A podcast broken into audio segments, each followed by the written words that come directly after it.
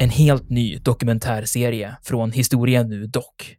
Av Kristina Ekero Eriksson och Urban Lindstedt. Det här är Vikingen i världen.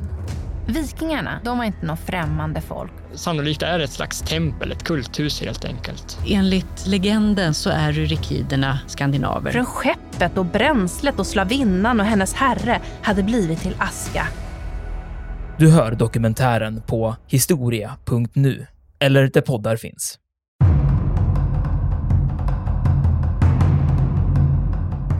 Jag tycker oftast brukar hamna lite i bakvattnet kring diskussionen om Stalingrad. Det är ju den här helt fruktansvärda förbekämpningen som tyska Luftwaffe genomför.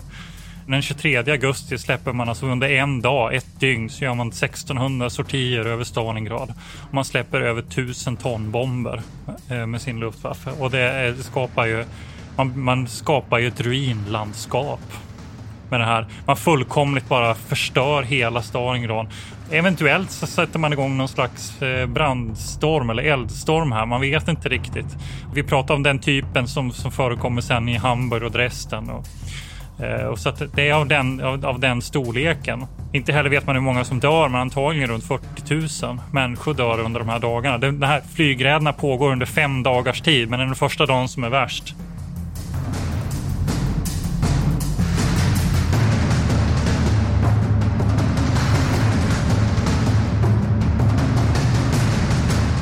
Militärhistoriepodden är podden om krig med människor och samhället i fokus. Programledare är Martin Hårdstedt, professor i historia vid Umeå universitet och Peter Bennesved, doktor i idéhistoria. Podden ges ut av förlaget Historiska Media. Stöd gärna MH-podden via vårt swishnummer 123 610 76 68. Märk betalningen med MH-podden.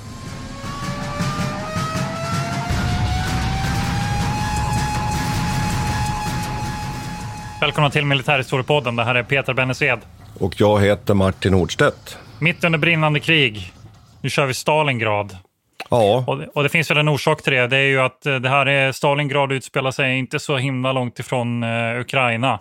Och det ligger väl också i linje med den här uh, serien som vi håller på att jobba på om andra världskriget förstås. Ja. Det slumpade sig så att vi kom fram till Stalingrad kan man ju faktiskt säga i ja. vår serie om andra världskriget. Eh, och det vi ska då prata om är ju egentligen att vi ska fånga upp situationen ju efter Barbarossas slut, det vill säga vintern 41 när den tyska offensiven ju ebbar ut framför Moskva. Och så ska vi titta på vad som händer nu under våren 42 och det som så småningom blir det här eh, brutala slaget vid Stalingrad under årsskiftet 42-43. Och så ska vi faktiskt avrunda med att återkomma till de platser som vi faktiskt tyvärr då läser om i media.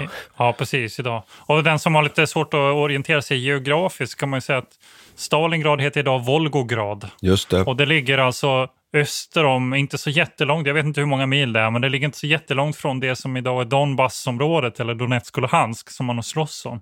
Så det är egentligen inne på den ryska sidan där. Eh, och, och det har en ganska central position mellan Svarta havet och Kaspiska havet. Och floden Volga, den rinner liksom ut i Kaspiska havet. Men bara en liten bit därifrån så finns den här floden Don som rinner ut i, i Svarta havet, vid Rostov. Rostov ja. Så vi är liksom eh, bara precis öster om Ukraina kan man säga. Vi är ett väldigt centralt område här. Och du förklarade bra tidigare när vi pratade att eh, tar man Stalingrad här nu så har man kontroll över liksom, transportflödena från, eh, från norra delarna av Ryssland ner till södra delarna. Man helt, enkelt kan låsa ute Svarta havet och, och mm. Kaspiska havet delvis också.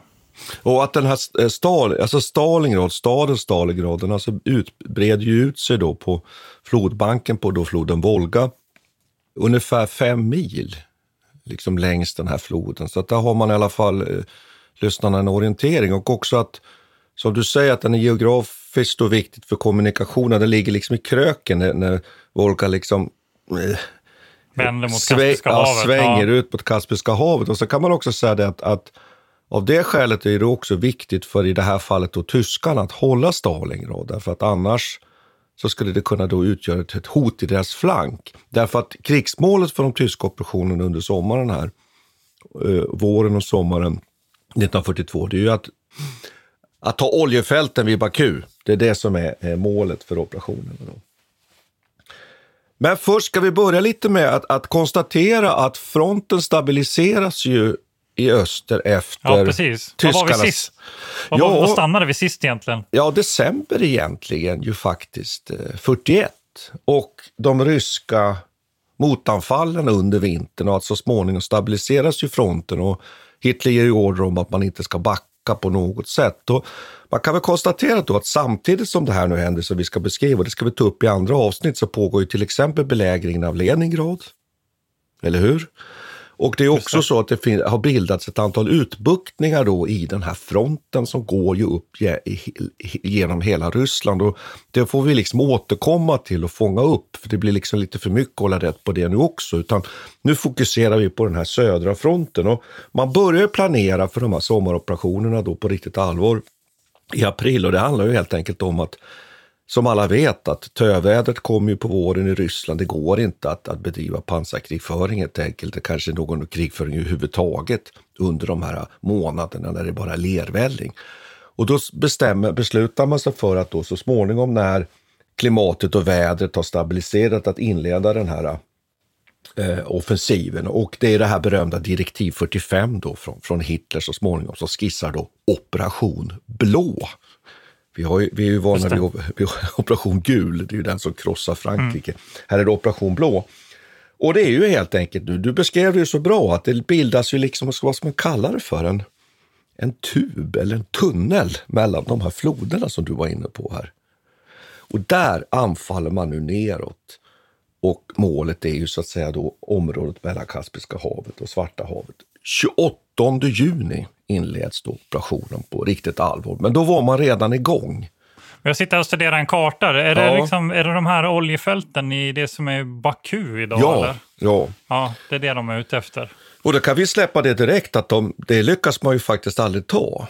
Och tanken var ju det här nu då, att, och, och den är väl egentligen inte fel, att, att där hade ju Hitler på något sätt ändå en strategisk blick. Han insåg nu att det kanske inte är, som ryssarna ju faktiskt trodde, att nu är det anfallet mot Moskva.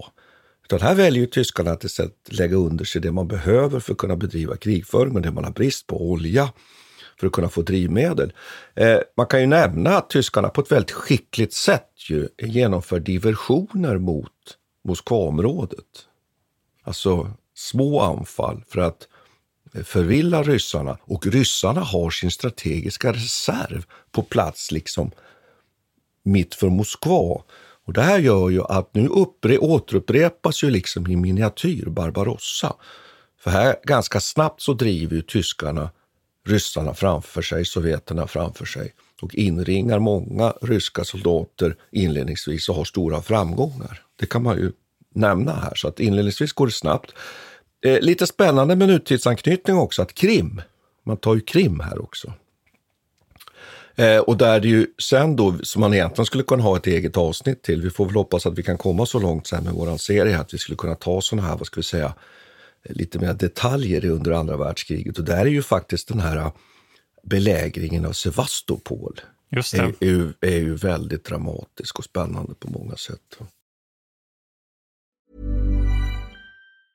Mom deserves the best, and there's no better place to shop for Mother's Day than Whole Foods Market. They're your destination for unbeatable savings, from premium gifts to show-stopping flowers and irresistible desserts. Start by saving 33% with Prime on all body care and candles. Then get a 15-stem bunch of tulips for just $9.99 each with Prime. Round out Mom's menu with festive rosé, irresistible berry chantilly cake, and more special treats. Come celebrate Mother's Day at Whole Foods Market. There's never been a faster or easier way to start your weight loss journey than with PlushCare.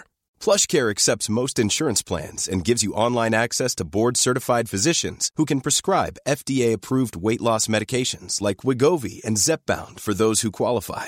Take charge of your health and speak with a board-certified physician about a weight loss plan that's right for you. Get started today at plushcare.com slash weight loss. That's plushcare.com slash weight loss. plushcare.com slash weight loss. Quality sleep is essential. That's why the Sleep Number Smart Bed is designed for your ever evolving sleep needs. Need a bed that's firmer or softer on either side? helps you sleep at a comfortable temperature, Sleep Number smart beds let you individualize your comfort so you sleep better together. JD Power ranks Sleep Number number 1 in customer satisfaction with mattresses purchased in-store. And now save 40% on the Sleep Number limited edition smart bed for a limited time. For JD Power 2023 award information, visit jdpower.com/awards. Only at Sleep Number stores or sleepnumber.com. Jag kan säga någonting annat om Stalingrad också. Det är ju det är bara en liten kommentar att det är ju faktiskt ett industriellt centrum för, som är jätteviktigt i Sovjetunionen vid det här, eh, vid det här laget. Och det man slåss om sen under själva eh, ockupationen är de här ammunitionsfabriken och Ja. stålverket som finns där. Och det har ju en del konsekvenser också för att eh, precis som det här berömda direktivet till Hitler så finns det också ett berömt direktiv från Stalin då, att ingen ska lämna, inte en tum ska, från, eh, ska man lämna till, till tyskarna i Stalingrad. Och, och Inte ett även- steg tillbaka, säger han. inte ett steg tillbaka. Och, eh, civilbefolkningen blir också tvungna att stanna kvar. Man evakuerar aldrig Stalingrad egentligen. Eh, vilket får rätt fruktansvärda konsekvenser faktiskt. Och det, och det har man då resonerat sig till att ja, men det måste bero på att Stalin då har velat behålla den här krigsindustrin. Att ha den funktionell. Det var ju lite av en eh, felbedömning. Kan inte tänka mig att den var särskilt funktionell när det här under, under hösten 42 och våren, våren 43. Det lär nog inte ha hjälpt. Alla arbetarna vid det laget lär väl ha varit döda.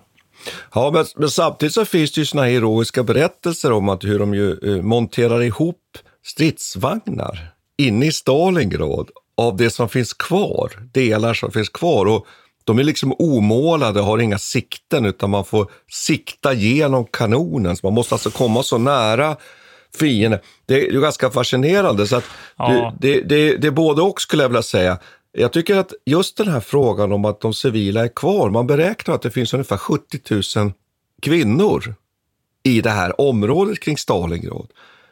Som ju inte alls förs iväg då, skulle man kunna tro, utan som snarare utbildas till att understödja den här, det här försvaret av Stalingrad. Allt ifrån liksom att sköta eh, underhållet, sjukvården, men att det också i Stalingrad eh, deltar många kvinnor i striderna systematiskt. Och vi kan återkomma lite till det, för jag har en, en, liksom en liten berättelse kring just Ja, det där. Men att, det tycker jag, du som är ci- civilförsvarsexpert Peter, får man säga så?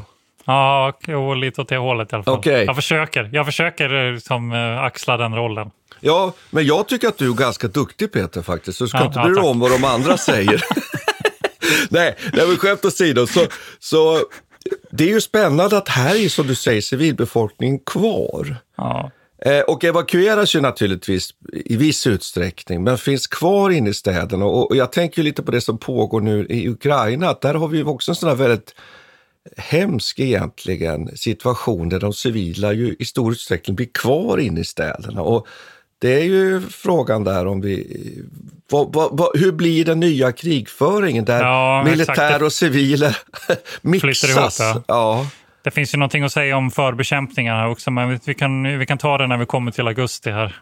Ja, för då skulle jag vilja säga en sak innan vi kommer liksom nu till, till själva Stalingradslaget. Det är ju det att från tysk sida så hade man ju då tänkt sig att man snabbt ska ta Baku, men plötsligt så får, får man väl uttrycka det så, Hitler för sig, eller han, han gör en analys här där han vill dela då den här armégruppen syd.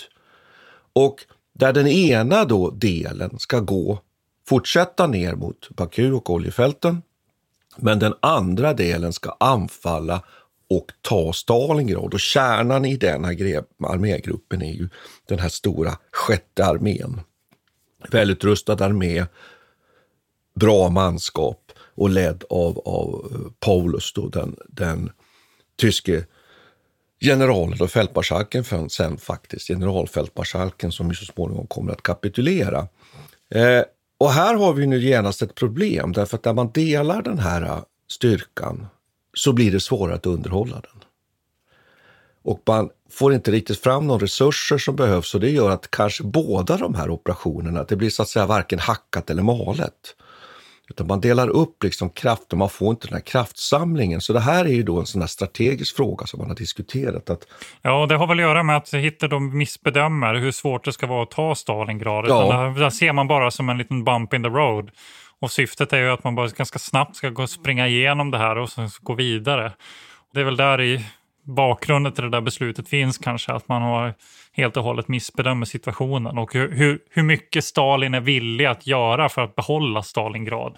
Ja, och då ska man också komma ihåg, det tycker jag man kan nämna, att här pågår det också ett sånt här spel i, på högsta nivå i, i de här viktiga eh, planerings och, ledningsorganen som finns i den tyska armén. Då. Dels har vi OKH som är det här över, övergripande, överordnade staben som finns, högkvarteret och där ju Hitler sitter egentligen och dikterar.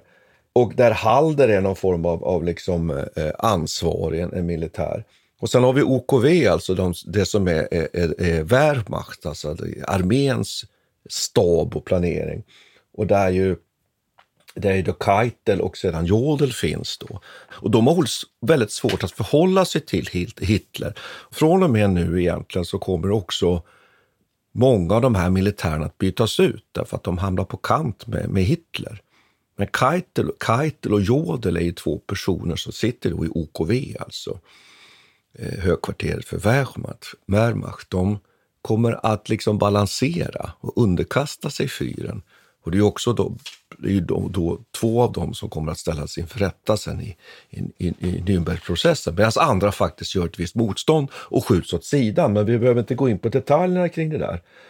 Eh, den 21 augusti är staden inringad. Mm. Och nu och då, börjar förbekämpningen av Ja, och det jag, skulle bara vilja, jag skulle bara vilja säga en sak där. Att, att då är den ju liksom inringad och i Stalingrad då så skapas ju, framförallt är det den här episkt kända ryska 62 armén då, som får i uppgift att försvara Stalingrad. Och då gör ju tyskarna egentligen ett stort misstag skulle jag vilja påstå. För det är det som du är lite inne på att säga mm. här tror jag Peter. Nej, men precis, för, det, ja. som, eh, för, för det är någonting som jag tycker oftast brukar hamna lite i bakvattnet kring diskussionen om Stalingrad. Det är ju den här helt fruktansvärda förbekämpningen som tyska Luftwaffe genomför. Den 23 augusti släpper man alltså under en dag, ett dygn, så gör man 1600 sortier över Stalingrad. Och man släpper över 1000 ton bomber eh, med sin Luftwaffe. Och det eh, skapar ju, man, man skapar ju ett ruinlandskap med det här. Man fullkomligt bara förstör hela Stalingrad. Eventuellt så sätter man igång någon slags eh, brandstorm eller eldstorm här, man vet inte riktigt. Vi pratar om den typen som, som förekommer sen i Hamburg och Dresden. Och, eh, och så det är av den, av, av den storleken. Och inte heller vet man hur många som dör, men antagligen runt 40 000 människor dör under de här dagarna. Den här flygräderna pågår under fem dagars tid, men mm. den första dagen som är värst. Där skulle jag vilja kasta in en brasklapp på. Vad ja. säger att de här förlustsiffrorna som vi pratar ja, om nej, det, överhuvudtaget, va? och du nämner nu så, så skulle jag vilja säga att de, de, de lyssnare som kollar upp det här i olika litteratur så kan jag säga att det är oerhört svårt att beräkna ja. det här. Det finns, så det ska vi, man ska alltid, jag vill bara säga det, det betyder inte att, att det du säger är fel, utan att en nypa salt här och hur, hur beräknar man det här? Men, men, men ja. Nej, visst, nej, och det, är, det är ju så att eh, Sovjetunionen har ju aldrig varit intresserad av att ge några korrekta siffror på det viset. Och här återkommer då det här som jag pratade om innan, att man inte har evakuerat de civila, utan det, de drabbas ju jävligt hårt av den här, de här flygräderna. Så det pågår under fem dagar och det här lägger ju liksom lite grann förutsättningar. Så redan innan tyskarna går in här nu i september och tar den, den västra sidan av Stalingrad, eh, så är det ju, är ju, går de in i ett ruinlandskap egentligen. Och så, ja. som kan, ja, så det blir som en slags fästning. Ja, och då kan man lägga till att det här är ju en, en trästad då, till största del. Så den, den brinner ju ner om man uttrycker sig så. Men så finns Fast det också... nu är den känd som en, som ja, en modernitet. Finns, ja. Precis. Samtidigt finns det i de här, framförallt i de här industriella delarna av Stalingrad, så finns ju som du säger de här betongkomplexen. Och när de bombas till ruiner, ja då skapas det ju egentligen bunkrar för försvarsstrid. Så att här hjälper man ju egentligen, så skulle man kunna säga, eh, ryssarna att skapa en, en fästning liksom av Stalingrad det här tas upp som ett exempel också i Sverige under, under samtiden. Så 1944, eh, andra halvan av 43, så börjar man prata om Stalingrad som ett exempel på vad den moderna staden, den moderna betongstaden kan klara av. Jag tror inte riktigt man har liksom den hela bilden av vad som, på, vad som faktiskt pågick det där året.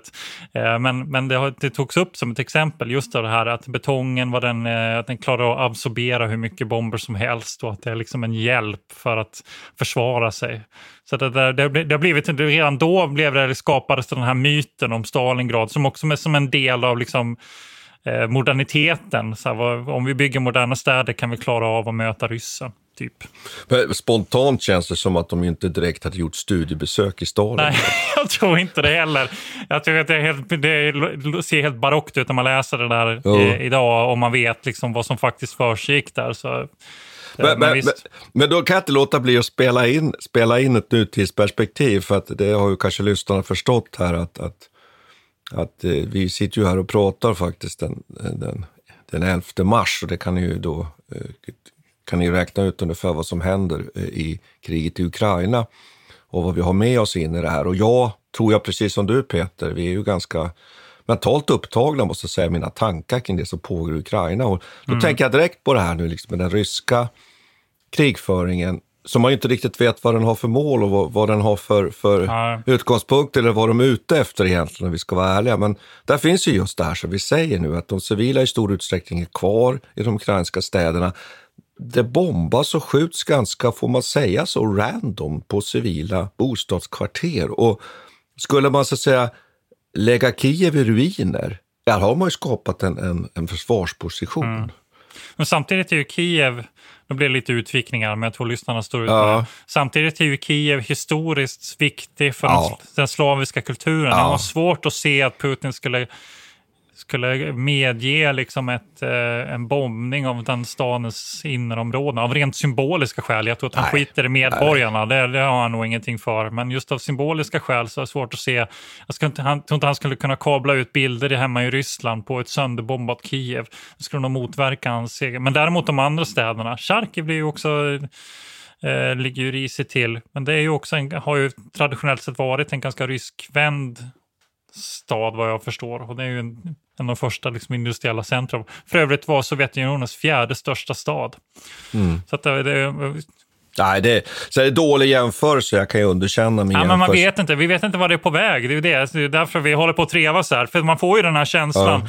Precis som jag har tänkt på samma sätt som du, att, att nu när vi tömmer också de, de mest känsliga de, de mest känsliga medborgarna åker evakueras härifrån, vad blir kvar? Ja, det blir ju de som kan bidra till, det kommer massvis med civila förstås, men det är ju de som kommer kunna bidra och som vill bidra till mm. försvaret mm. av Kiev.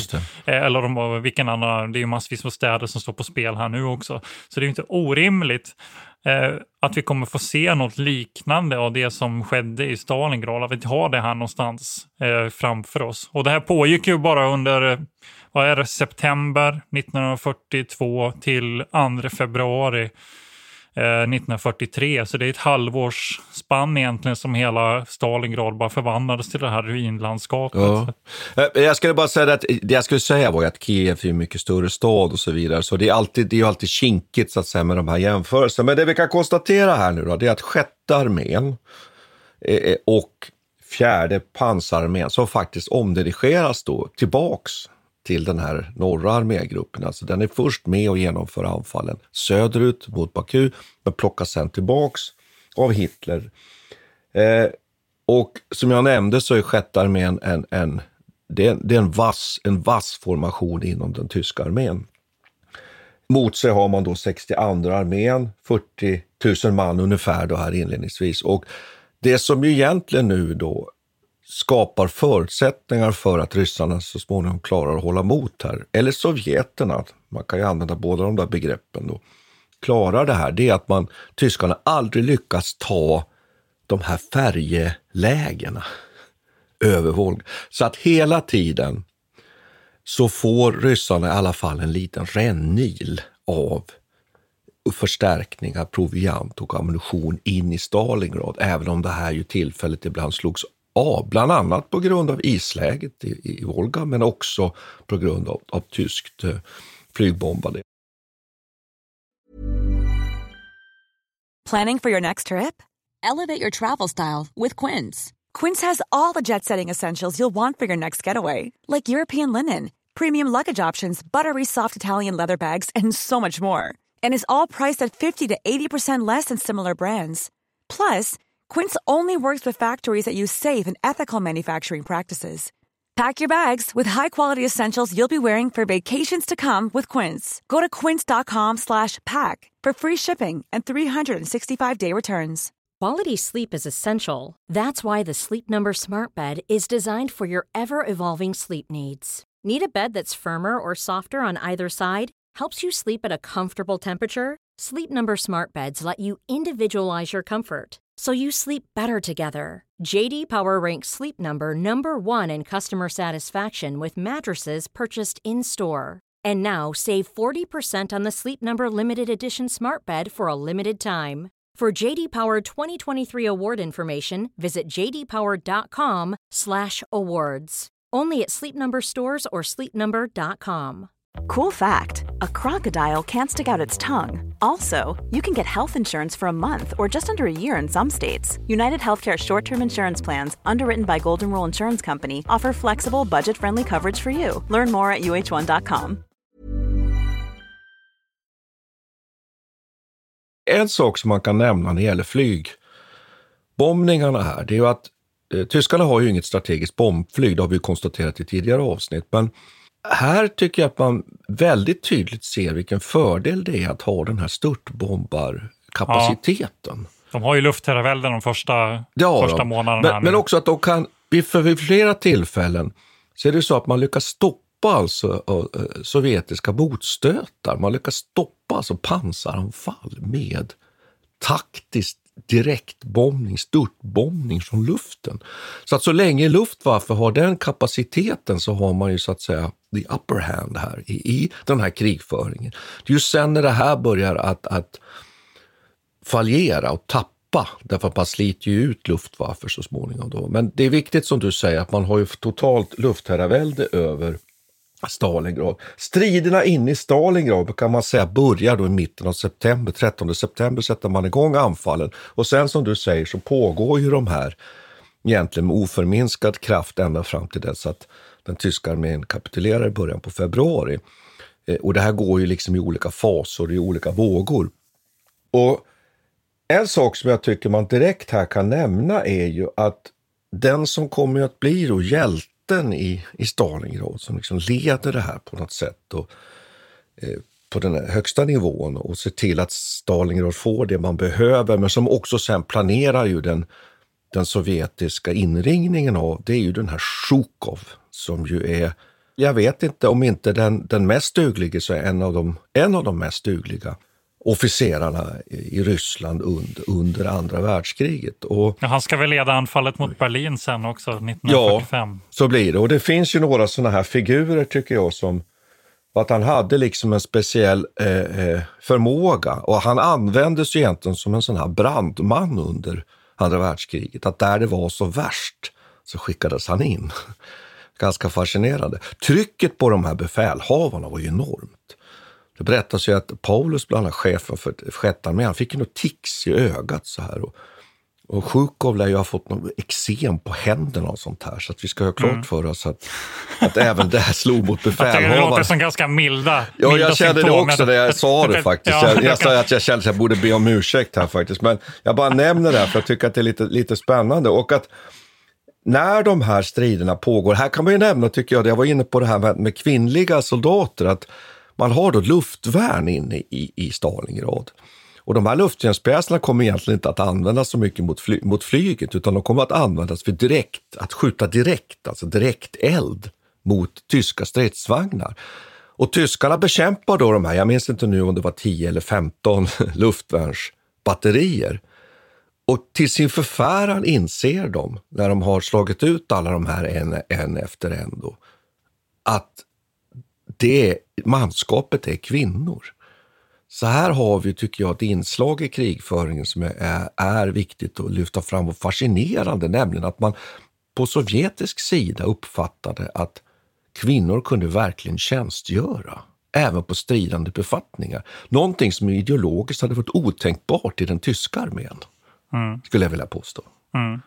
Ja, men de, eh, absolut. Man kan ju kommentera på det där att det är ju under den här tiden som krigföringen också radikaliseras på ett sätt så att man även från Goebbels sida börjar prata om det här med totala kriget. Han håller ju ett känt tal här början av 43 där man ska liksom försöka återuppväcka den här tyska krigsmakten och offensiven i öst.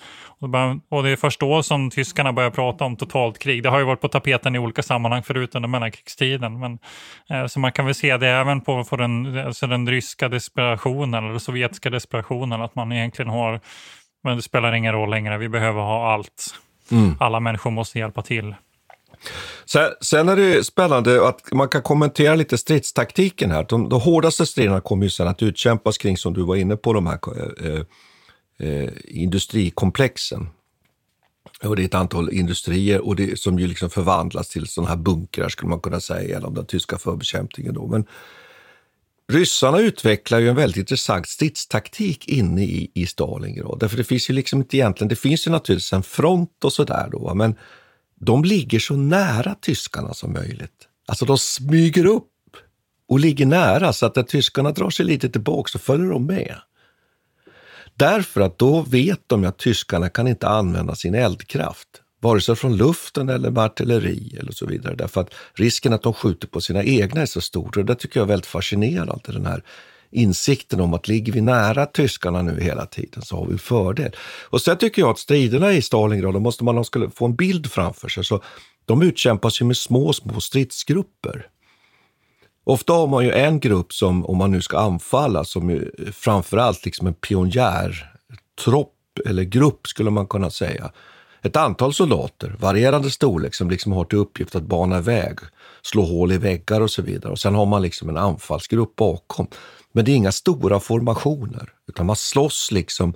Det är ett myller av såna här små, små, små grupper som kämpar mot varandra och det är mycket man mot man och man kommer nära varandra väldigt mycket. Och, eh, eh ryssarna är ju väldigt duktiga på att hålla såna här eh, såna här stödjepunkter. Det berättas bland annat om en, en sovjetisk pluton som liksom fullständigt bygger en fästning i ett sånt där bostadshus. Ja, just det. Med mineringar runt. Och, här, och tyskarna kallar till och med här för Festung. och då har de inte lyckats ta den här.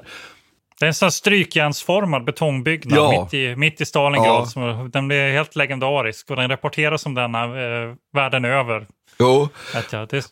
Och också kan man ju lyfta fram de här, de här eh, kända krypskyttarna då, där, den, där den, den så att säga, man nu inom citationstecken då mest framgångsrika skjuter omkring två, bekräftat 250 tyska soldater.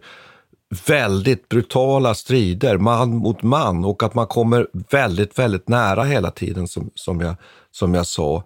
Och att det här naturligtvis är väldigt svårt att hålla kontroll på från, från befälhavarna. Men Stalingrad fullkomligt äter ju soldater. Förlusterna blir ju enorma inne i den här stadsbebyggelsen. Och återigen nu då en anspelning på det som vi upplever i vår egen tid. Att strid i bebyggelse kostar ju mycket folk. Ja. Men det här som du säger nu Martin, jag tänker ur ett, eh, om vi ska prata mer liksom militärhistoriskt och militärstrategiskt, är väl det här också eftermälet från Stalingrad. Att just stadskrig, alltså krigföring i, i stad, det är väl det man har tagit med sig härifrån. Att det är liksom egentligen det första slaget som bedrivs på det här viset. Ja, på riktigt allvar om man uttrycker ja, sig så. och som, som får agera modell för mycket av den urbana krigföring som fortfarande jo. Eh, som fortfarande bedrivs och ja. som, har, som vi har gjort, eh, sett i, i eh, i Irakkriget till exempel och Afghanistan och sen när man måste in eh, i städerna och ta över. Mm. Och sen tycker jag att tyskarna gör ju ett stort, stort misstag här, för det man är duktig på det är ju att samverka med flyg, pansar, infanteri i rörlig krigföring. Här gör man sig av med hela det övertaget. Istället bjuder man in Sovjetsoldaterna, den ryska sidan då, där man är ju väldigt skicklig på att just bedriva försvarsstrid och slåss till sista man om jag uttrycker mig så. Så att det är ju egentligen förbluffande att man ger sig in i den här eh, eh, Stalingrad-sörjan. Och här kommer vi väl in på där, där det nog ändå är på det sättet att det blir en prestigefråga det blir en symbolfråga att ta Stalingrad till slut. Bara namnet innebär ju för tyskarna att det skulle vara fantastiskt att kunna visa upp att man har erövrat den stad som bär Stalins namn. Men du, nu har vi pratat i en och en halv timme här. Ska vi, ska vi, ta, vi måste ju prata om den ryska motoffensiven här. Och, ja! Och, ja, och det som, det som sker här sen efteråt. Det som Tjochovs stora plan då, eh, som han sätter igång den 19 november egentligen, inleds ju med ett, en, en enorm artilleri. I norr, i norr. Norr ja, om Stalingrad man. Eh, en, en, en enorm uppladdning här med artilleri och eh, så kallade Stalin-orglar. Det är sådana här eh, raketartilleri som sitter på bilar som man skjuter in och bombar sönder de tyska positionerna så mycket som man kan. Och sen har man då en plan att man ska inringa Stalingrad från två håll. Och då har ju Tyskland här, den sjätte armén, en, en svaghet, att man har rumänska divisioner Ja, en rumänsk armé. Alltså det är en ja. rumänsk armé norr om Stalingrad och en rumänsk armé söder om Stalingrad. Precis, som ska då, skydda flanken. Ja, och då sätter ju Zjukov igång den offensiven. 19 norr om staden, den 20 söder om staden i en stor kniptångs och inringningsoperation eh, som ju kallas för Uranus, kan vi, kan vi också nämna. Och precis som du säger så ja, är ju inte de rumänska arméerna här uppgiften mogen. Nej, de är inte rustade på samma vis som, som den tyska armén är och det antar jag att det finns, har väl funnits strategiska skäl från Tysklands sida att se till så att de inte är så rustade också. Men de är också dåligt, de får dåligt med, med förnödenheter, de har inte alls eh, samma ransoner så som de tyska soldaterna har. Så att moralen är ju av en helt annan, helt annat slag, är betydligt sämre. Och de jagas ju bort ganska per omgående. Och helt plötsligt så är ju sjätte armén då, de belägrarna har blivit belägrade. Ja, och, eh, och då kan vi säga, bara, ja, ja. Och bara, sjätte armén, delar av fjärde pansararmén och sen rumänska styrkor. Så man räknar med nu här ungefär att 290 000 tyska soldater, rumänska soldater är inringade, precis som du säger. Och det här mottas ju i, i, av Hitler, inte nödvändigtvis jättenegativt, utan man tänker så här, ja men då har, det betyder att Tjukov har bundit upp en väldig massa pansarvagnar och trupper trupper eh, runt det här området. Som, som, och det ser man som en fördel då att man skulle kunna använda det här för att eh, göra olika motoffensiva med de andra trupp, eh, arméerna som finns i området. Och ska vi också tillägga här att det här har ju skett tidigare under sommaroffensiven under våren 1942 så har ju tyska armén också blivit inringad vid ett ställe norröver. Eh, men där har man också med en luftbro så att säga lyckats undsätta dem. Och detta är ju då planen här efter också. Inringningen i Stalingrad är ju att man med Görings luftwaffe helt enkelt ska kunna undsätta de här eh, sjätte armén genom att bilda en luftbro. Och så ska man ha den fjärde pansararmén som finns kvar söderöver för att eh, göra en genombrytning och släppa ut den sjätte armén som finns kvar uppe i Stalingrad. Mm. Och, men det här, är ju, här slår ju liksom hybrisen in kan man säga att man inte inser att redan nu att nu är det förlorat. För att, det, för att den här luftbron, det, det, det är ju förut har man ju haft, under hösten här så har man ju haft luftherravälde över, eh, över Stalingrad. Man har haft en väldig massa eh, jaktplan som kunnat skydda och man har Stuka-bombare. Att det här mals ju sakta men säkert ner för Tjukovs offensiv följs också av ryska flygförband som kommer in. Så nu börjar eh, luftövertaget börja vända till Rysslands fördel vilket betyder att den här luftbron som Göring ska skicka in, den blir ju oerhört svårt drabbad av detta. Och till slut så, man har ju några flygfält som man försvarar här inne i den eh, tyska ringen eller der Kessel, grytan som det här får det ökända namnet som den får. Va? Men det här blir allt svårare och svårare och desto närmare vintern man kommer så blir det mindre och mindre förnödenheter till de här tyska trupperna som finns här i området. Ja, jag, jag tycker man kan tillägga här att, att vill, man, vill man läsa dramatiskt skildrat vad det här innebar för de enskilda soldaterna. Du blir ju inne nu på den här luftbron och så vidare. Då tycker jag att man ska ju vända sig till, det som jag nog kanske faktiskt tycker är Anthony Beavers bästa bok, nämligen Stalingrad. Mm. Eh, jag är inte... Jag, somnar på en gång när jag bara säger det. Alltså vadå då? jag är så trött på den boken. Okej, okay, ja. ja, ja. Nej, men han skildrar, jag håller med dig, han skildrar det fint. Eh, så här, de här grejerna som handlar om som de enskilda soldaternas upplevelser fångar han upp. Ja, precis. Och jag ja. håller med. Alltså, vi är ju liksom mm. i den här branschen där vi läser, läser mycket sånt här. Jag tycker att jag tycker att den lyssnare som inte har läst eh, Anthony Beaver ska läsa Stalingrad. Ska ni läsa en bok ja. av Anthony Beaver så läs Stalingrad. Och just, jag tänkte just på de här luftbron som du pratar om, att här, här ska stå man och kalkylera. Ja, men du får åka ut, du får vara kvar.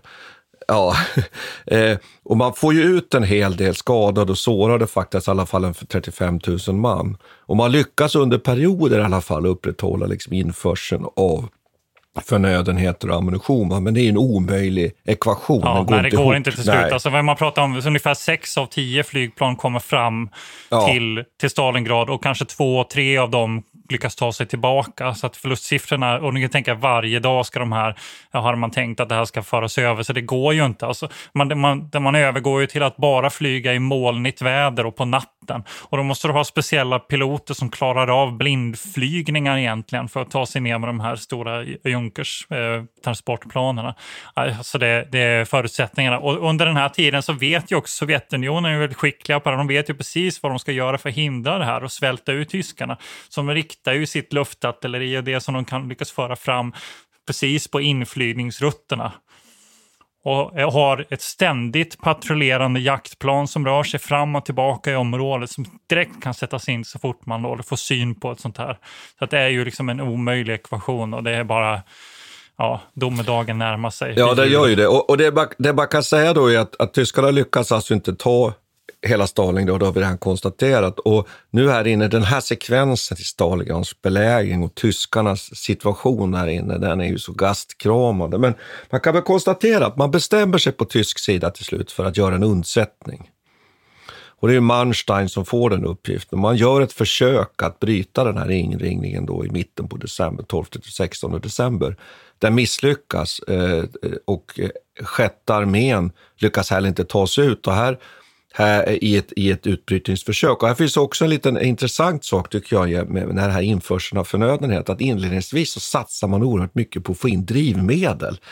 Därför att man vid sjätte armén så förväntar man sig få en order om en utbrytning som inte kommer först väldigt mycket senare. Så det är också en spännande sak att man väljer drivmedel istället för mat och ammunition. Eh, sen kan man bara konstatera att, att eh, Sovjetarméerna kring Stalingrad, genomför ett antal motanfall och utvidgar och förstärker liksom det här eh, vad ska vi säga, greppet om Stalingrad under januari.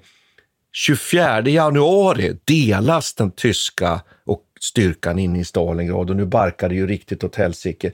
Den 31 januari så kapitulerar den södra motståndsfickan och sen då den 2 februari kapitulerar Paulus efter att har blivit befordrad till generalfältmarskalk. Och det kan man fundera på varför han får den befordran, om, om det är någon sorts domedagshistoria här som man vill skriva. Mm. Eller, jag ja, det finns ju spe spekulationer om att Hitler förväntade sig att han skulle ta livet av sig. Att han skulle skjuta sig, ja just det. Ja, för att ja. ingen, ingen fältmarskalk har någonsin tillfångatagits av en av en fiende. Så därför ska Hitler ha förväntat sig att han ska ha skjutit, skjutit sig, men det gör han ju inte.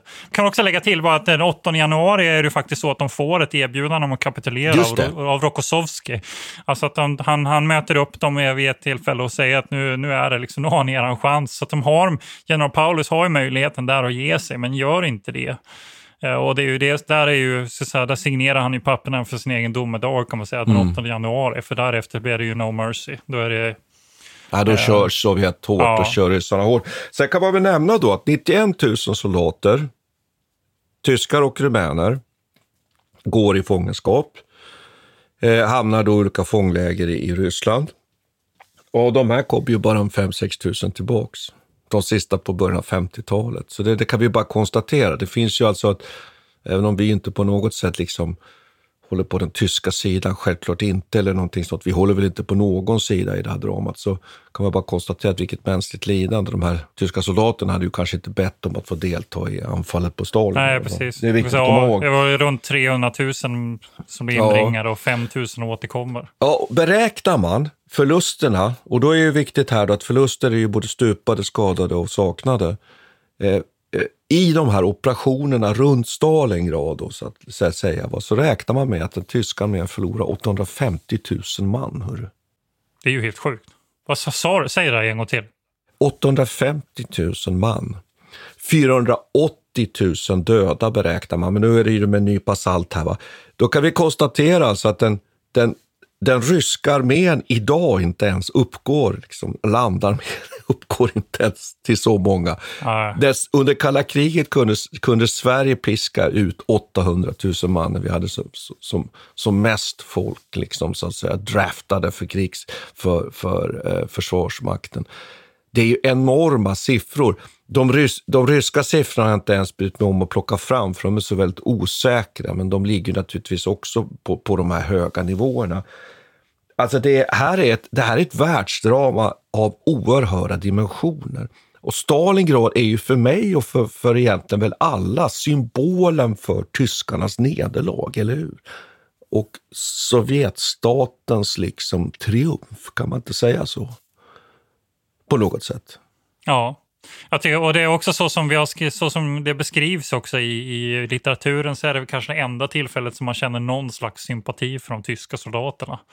Ja, Ja, för den enskilde soldaten. Ja, ja för precis. Det, det, är lite, den har den här kvaliteten och det här slaget driver fram det där. Att man, och särskilt det här spelet som sker mellan överbefälhavarna, alltså generalerna och Hitler. Att man förstår här att de här soldaterna är verkligen bara fast i den här mm. skiten. De kan inte ta sig ur.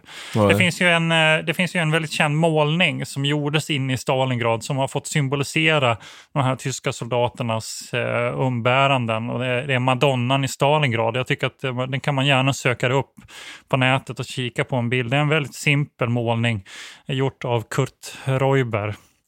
Eh, en konstnär som levde den här tiden. Och han, han, och han var soldat då i, i, i sjätte armén. Och han har ritat, det var ju jättesvårt att få tag på något material överhuvudtaget. Men eh, han hade alltså en rysk karta som hade överlämnat, eller övergivits.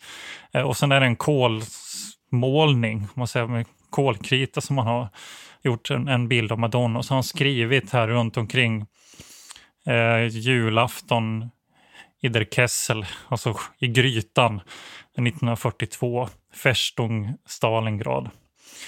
Eh, och den här, den här målningen, den är ganska stor. Den är väl, eh, ja, vad kan det vara, kanske 90 gånger eh, 50 centimeter eller någonting sånt där. Så det är en ganska, ganska stor målning. Han, den här jobbar han med inne i en sån här liten bunker kan man säga, eller liksom en jordhåla i princip. Man beskriver den här, alltså när artilleriet slog ner så tappade han ofta kriterna och det materialet. Det var liksom, han hade inget, inget stativ utan han hade ett gammalt bord som han hade vänt upp så han kunde eh, ställa upp den på. Han ställde sig på en stol för att kunna få lite perspektiv när han målade med den här. Intensivt höll han på med detta. Och sen så paraderades den här målningen runt bland de tyska soldaterna under julafton. Och man sjöng sånger och man eh, så att säga, bara betraktade den i princip. Och han, han beskriver väldigt fint hur officerare såväl som soldater bara eh, kunde hitta något slags hopp och längtade hem eh, när de betraktade den här målningen. Och den finns nu i Berlin eh, i Kaiser Wilhelm eh, Gedächtniskirche, jag vet inte om jag uttalade det rätt, men den, den, finns att titta på där fortfarande. Och symboliskt nog så var det här, den här målningen togs med, det var det sista planet som lämnade Stalingrad på, från tysk sida. Då fick den här målningen följa med. För, eller, målaren själv, Kurt Reuber, han blev tillfångatagen och dog antagligen någonstans uppe i Sibirien. Mm. Men, det är en väldigt tragisk, tragisk berättelse. Men jag tror också så här att, att Stalingrad och operationerna under våren, sommaren 42 och sen då här som vi är inne på vintern 42-43, det visar ju också problemen i, i den tyska ledningen som jag tycker nu att man skulle kunna lite fördjupa sig i. Att jag nämnde ju Halder här till exempel som var eh, chef för OKH. Han han till exempel avskedas ju redan på hösten och här ser vi någonting nu att de här Keitel och Jodel, de här som ändå är, de, de tar till sin uppgift att liksom inte berätta för Hitler hur illa det är.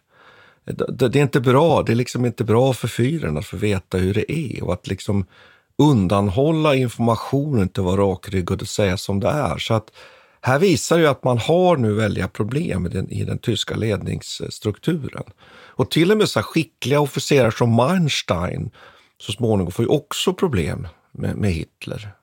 Alla de här som liksom försöker vara professionella i sitt, liksom, i sitt militära yrke, de kommer så småningom då att krocka med de här politiska målen för krigföringen. Och det tycker jag också att man kan anspela på det som vi upplever i nuet här. Är det liksom ett politiskt krig eller ett militärt krig som pågår i Ukraina? Den här intressanta krock, krocken mellan politiska mål och militära mål och det tycker jag är väldigt uppenbar här också i Stalingrad. Och det där vet vi ju så väldigt lite om från efteråt också. Ja, det vet det vi ju inte, för det pågår ju huvudet på folk kan man ju säga. Vi får ju rapporter hela tiden om nu att, att Putin sparkar sina militära officerare och de eh, generalerna dör och skjuts. Och liksom, ja, man vet ju inte alls. Man vet ingenting. Men där, där pågår ett väldigt, ett, ett, ibland avgörande spel också för, för hur de här krigen utspelar sig. Mm. Jag skulle vilja nämna en sak där det gäller, gäller den ryska sidan också. Att en, en intressant eh, eh aspekt på, på det ryska ledarskapet är att man ju har de här politiska politrucken och ledarna så att det är inte bara så att det är Sjukov och militärerna som leder krigföringen i Stalin, utan här sitter ju också partikommunister, folk, som så att säga på något sätt kollar upp. Och det utfärdas ju sådana här brutala order att den som, den som ger order om reträtt utan att de har fått en sån order, de ställs ju inför krigsrätt, det vill säga skjuts. Men är inte Tjukov med och rensar ut det där? Alltså, jag, jo, så småningom. Det försvinner ja. senare finns det, men här finns det fortfarande kvar. Och Khrushchev som ju är en person som vi ju känner till sen så småningom som, som ledare i Ryssland, han är med här just som den där politrucken på just i de här operationerna kring Stalingrad. Men du har alldeles rätt att det här kommer sen att, att eh, rensas ut så småningom i den, i den eh, ryska sovjetiska armén. Då känner jag genast att eh, du har vi den finska kopplingen.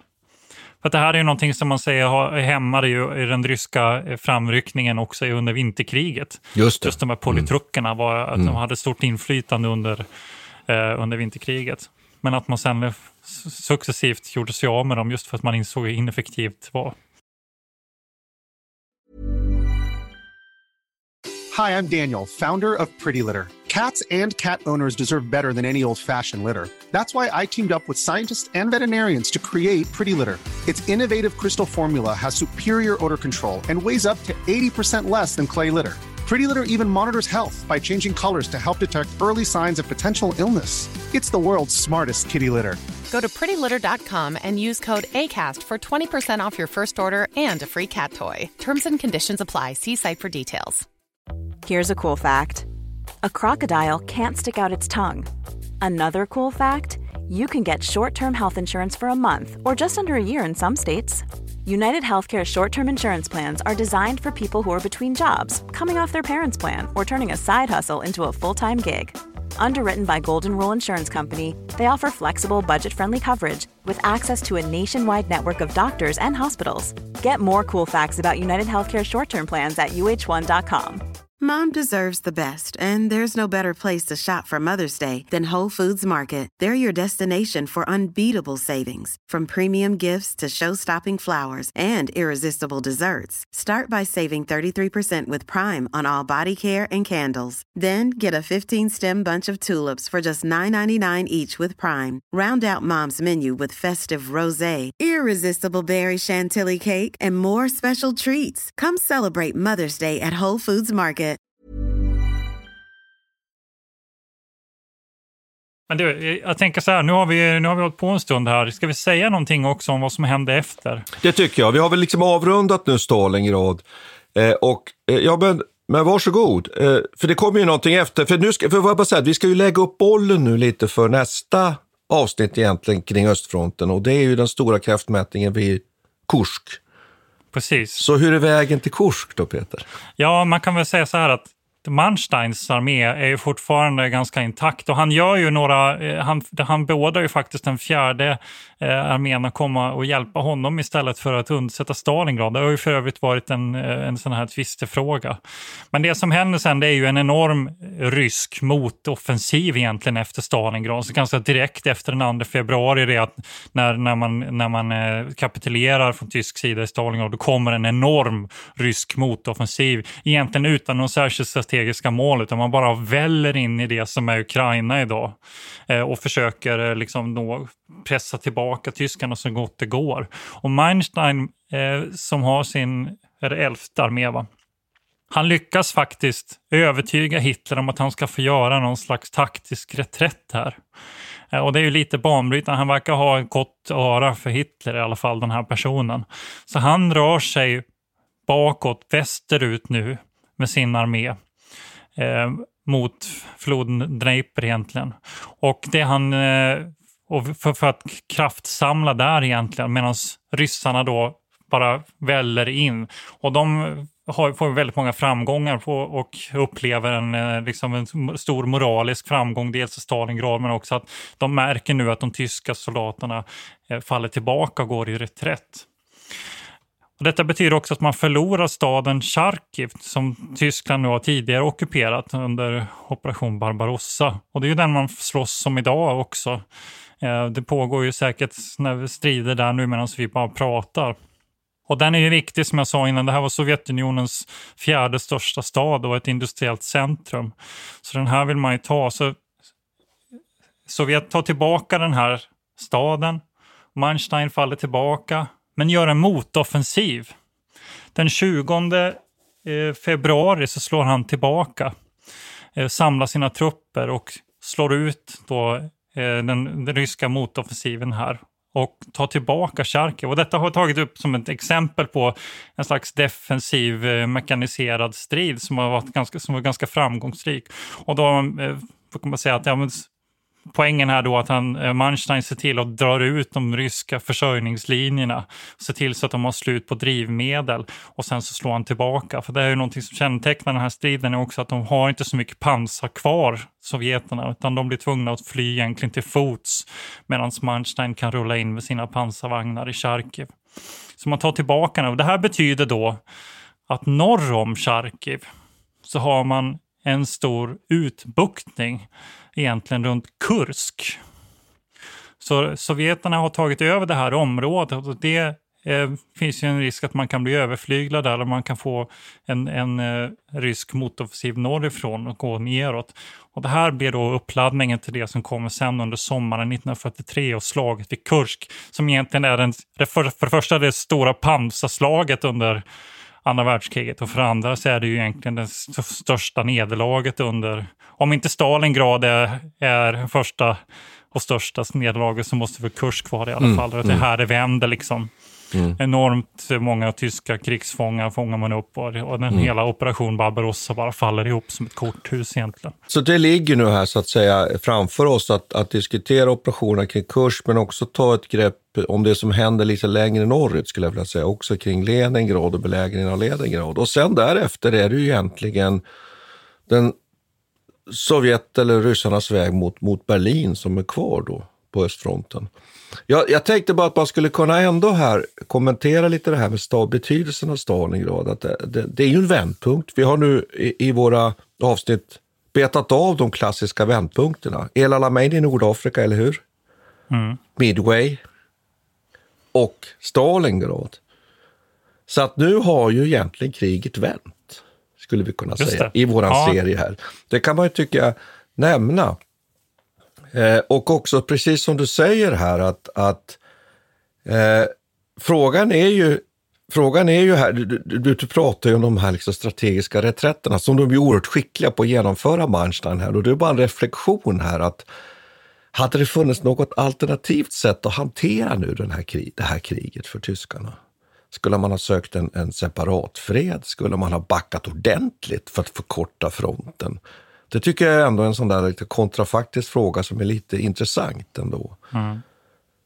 För det, är, det är svårt, att, svårt att se. Ja, det är men, det, men det är lite samma problem som vi har med Putin nu. Att för Hitler så har han liksom lagt hela sin, sin värdighet och hela sitt, sitt, hela, hela sitt ideologiska liksom regimbygge hänger på den här på att det här ska lyckas. Det finns ju ingen återvändo. Och det är väl också därför han liksom slutligen lämnar Stalingrad. Och de bara låter de här människorna svälta ihjäl och dö. Att det, är väl, det finns inte möjligheten och, och propagandan inåt sett som Goebbels för är ju inte... Ja, det är ju ett sätt att försöka täcka upp de här förlusterna också. Att man vägrar ju erkänna någon slags förlust. Så jag tror inte det. Jag tror inte det finns, eh, med sådana såna galningar, en sån galning som Hitler, så finns det liksom ingen kontrafaktisk väg att gå. Vid det, här, vid det här laget måste han ju själv förstå också att han har skrivit under sin egen dom, eller undergång, liksom att han, mm. han kommer inte komma levande ur det här. Ja. Ja, men vi kan väl avrunda där och så kan mm. vi väl kanske nämna för, för lyssnarna också så här, som våra trogna lyssnare här, att, att vi, vi kommer att komma med ett, ett avsnitt om både Kuwaitkriget vi måste sticka emellan med, med några, några andra saker, men det finns ju också beröringspunkter med det vi ser i Ukraina idag, mm. faktiskt. Eh, men också Tjetjenienkriget eh, återkommer vi till och då har vi anledning att återkomma till det här med strid i bebyggelse, vill jag påstå. Så ska vi tacka för idag, Peter? Vad säger ja, du? vi gör det. Tack ska vi ha. Tack ska vi ha. Vi tackar Peter Bennesved och Martin Hårdstedt. Kontakta gärna Militärhistoriepodden via mail på militarhistoriepodden historia.nu.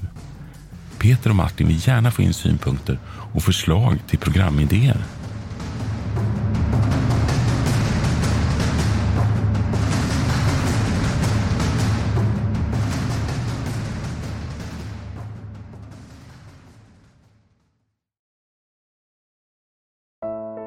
Iran har under 1900-talet genomgått tre omvälvande revolutioner som orienterat landet antingen mot västerlandets modell eller mot en auktoritär styrelseform. Idag pågår en social revolution i landet som vänder sig mot det islamistiska styret och vars anhängare har Europa och väst som förebilder. I en viktig bok ger idéhistorikern Mohammad Faslashemi en djupare förståelse för dagens dramatiska händelseutveckling. Iran mellan tre revolutioner är utgiven av förlaget Historiska Media. Beställ den fysiska boken på förlagets hemsida historiskamedia.se eller köp den i en bokhandel nära dig.